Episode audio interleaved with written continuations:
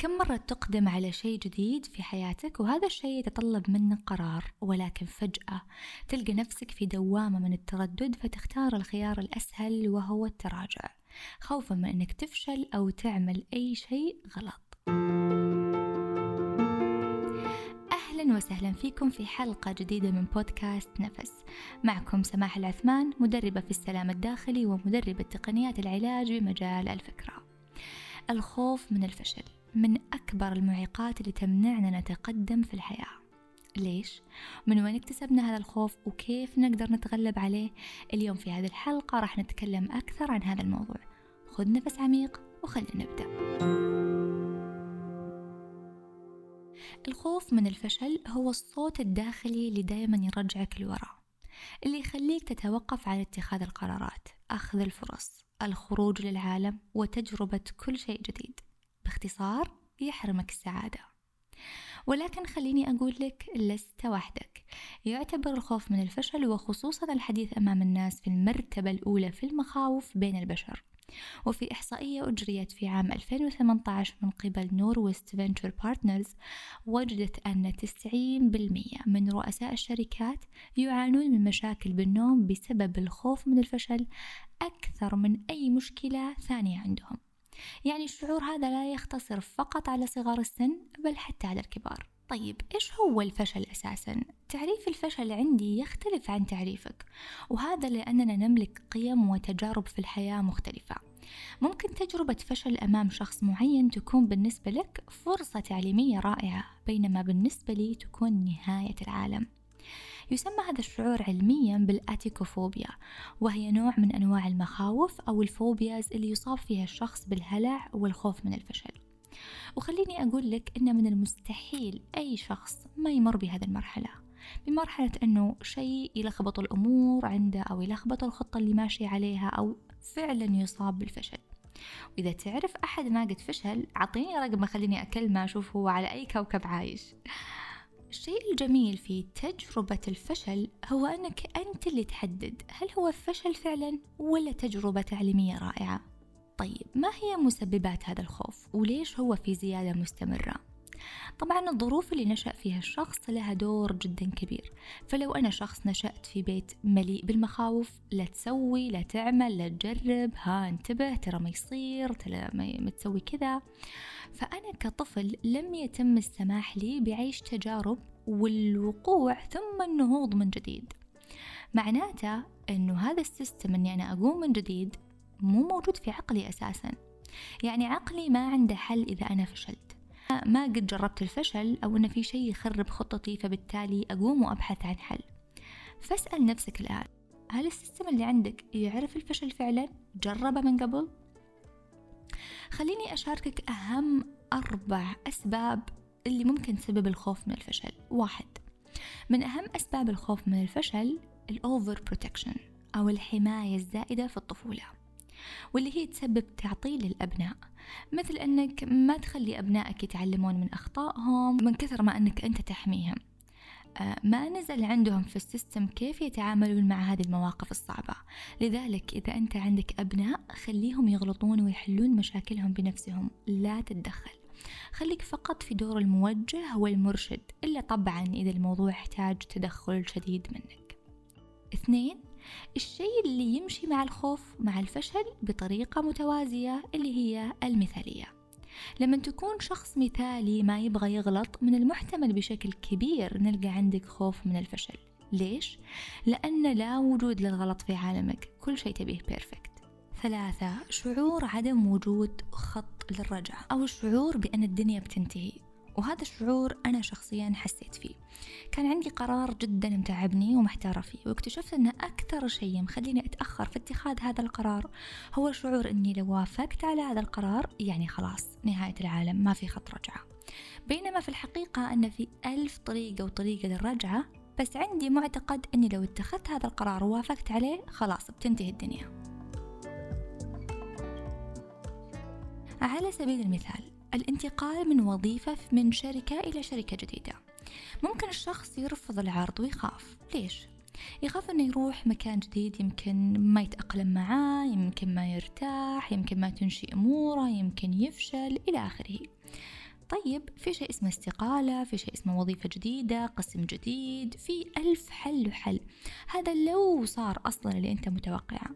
بس ليش حسيت أن الدنيا بتنتهي عند هذا القرار؟ في كتاب كارول دويك التكنولوجيا الجديدة للنجاح يصف المؤلف كيف يكون للفشل تأثير على الأشخاص اللي يعتقدون أنهم ما يقدرون يتعلموا من أغلاطهم. ويشرح دويك كيف ممكن أن هذا النوع من التفكير يخلق عقلية سماها بالعقلية الثابتة اللي ما عندها خيارات واللي للأسف تخلي الشخص من فشل إلى فشل أكبر. لذلك دائما تعلم أنك توسع خياراتك. أربعة عدم وجود الدعم من الوالدين في الطفولة أو التعرض للإهانة أو الاحتقار بشكل روتيني يخلي الطفل يشكك في قدراته في أي شيء. آه وبالتالي يكبر مع هذا الشعور فيشعر بعدم الثقة في قراراته كبالغ فيصاب بالخوف من الفشل. انتبه أنك تختار الفشل بإرادتك. فكرة الخوف من الفشل هي نفسها تخليك تفشل لأن كل تفكيرك متوجه للفشل وهو أصلا ما صار ولسه أصلا ما فشلت.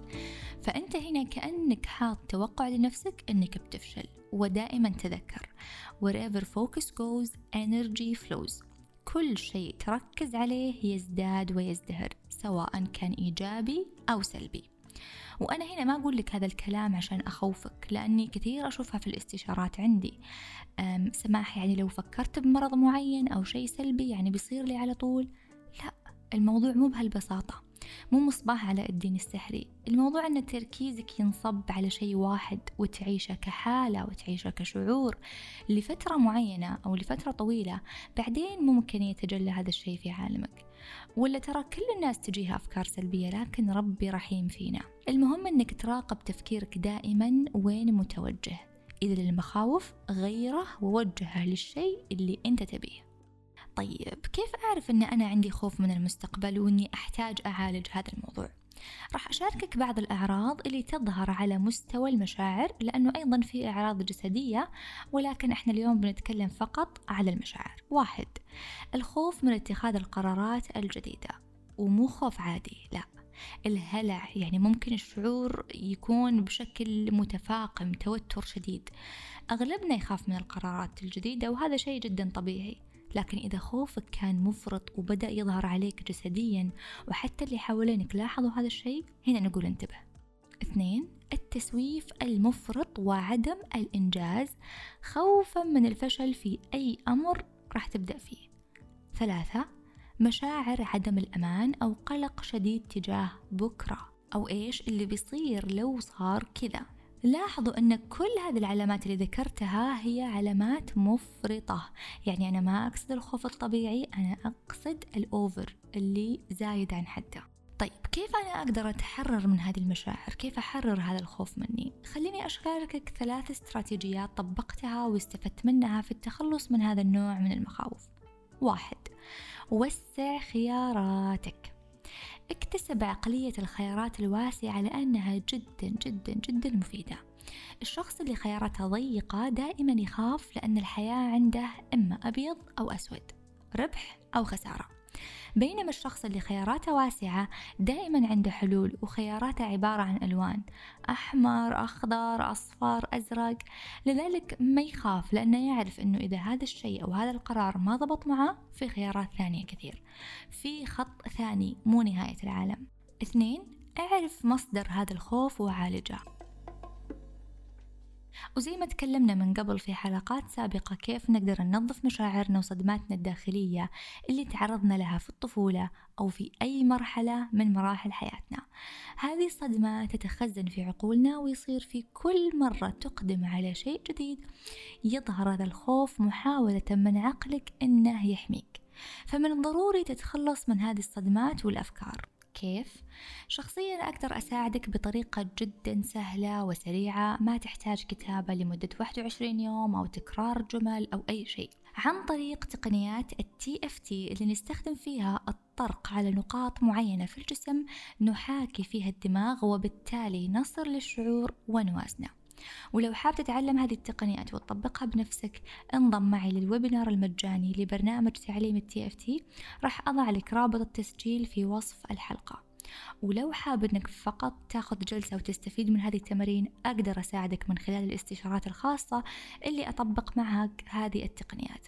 أيضا رابط الاستشارات راح يكون في وصف هذه الحلقة حتى تستفيدون منه ثلاثة. اتخذ قراراتك على أساس الأرقام. الأرقام محددة وتوضح لك الاتجاهات اللي ممكن تأخذها. فمع كل المعلومات السابقة إذا ما كان عندك منهجية وخطة فهذا الخوف بيستمر. خلينا نتخيل أنك بتفتح مشروع جديد بس خايف أنه يفشل. أوكي انظر للأرقام عشان تشوف هل هذا يستحق فعلا أنك تعمل هذه الخطوة ولا لا. الشيء اللي تخاف من الفشل منه احسبه بالأرقام كم مرة جربته؟ كم مرة فشلت فيه؟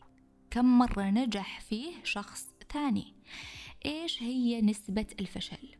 إذا حسيت بالرضا تجاه هذا القرار والأرقام هذه اتخذ خطواتك. هذه طبعا ليست هي الطريقة الوحيدة ولكنها من ضمن الاستراتيجيات اللي ممكن تشعرك بالراحة قبل الدخول في أي شيء جديد. فإذا زي ما تكلمنا واحد وسع خياراتك. اثنين واجه مخاوفك. ثلاثة استخدم الأرقام.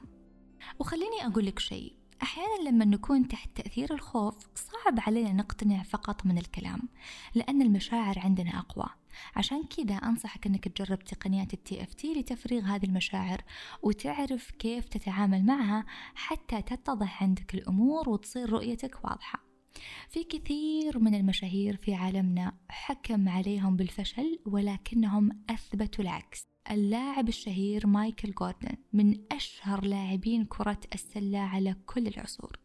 في المرحلة الثانوية تم فصله لأن مدرب اعتقد أنه فاشل وما عنده المهارات الكافية. وشوف إيش صار وين وصل اسمه. تبي شخص ثاني؟ okay. وارن بافيت أحد أغنى وأنجح رجال الأعمال في العالم. تم رفضه من جامعة هارفارد هل توقف؟ أبدا. ابحث عن حجم ثروته الآن. تقدر ثروته بمية وعشرة بليون دولار ويعتبر من أول عشر أشخاص في لستة الأثرياء حول العالم لهذه السنة. وفي كثير أمثلة على أشخاص حكم عليهم بالفشل ولكن قرروا أنهم ما يختارون هذا الطريق ورسموا طريقهم الخاص. وأنت كذلك لازم تؤمن مليون بالمية أنك أنت الوحيد اللي تصنع طريقك. وقبل ما أختم لا تنسى تشارك هذه الحلقة للأشخاص اللي تحبهم وتكتب لي رأيك في الكومنتس حتى أستفيد من رأيك في كتابة هذا المحتوى وتساعدني في تطوير هذا البودكاست. وفي الختام خلونا نسأل الله تعالى يساعدنا نكون أكثر شجاعة وأكثر أمان من الداخل لأن كل ما كنت مطمئن داخليا كل ما كانت قراراتك أسهل. وخلونا نسأله سبحانه يعلمنا الطريق السهل للوصول للأمان وأنه دائما يفتح بصيرتنا لرؤية الخيارات والوفرة اللي أعطانا إياها في هذه الحياة. وأنا ألقاكم في الحلقة القادمة اللي عنوانها انتبه من دور الضحية. في أمان الله.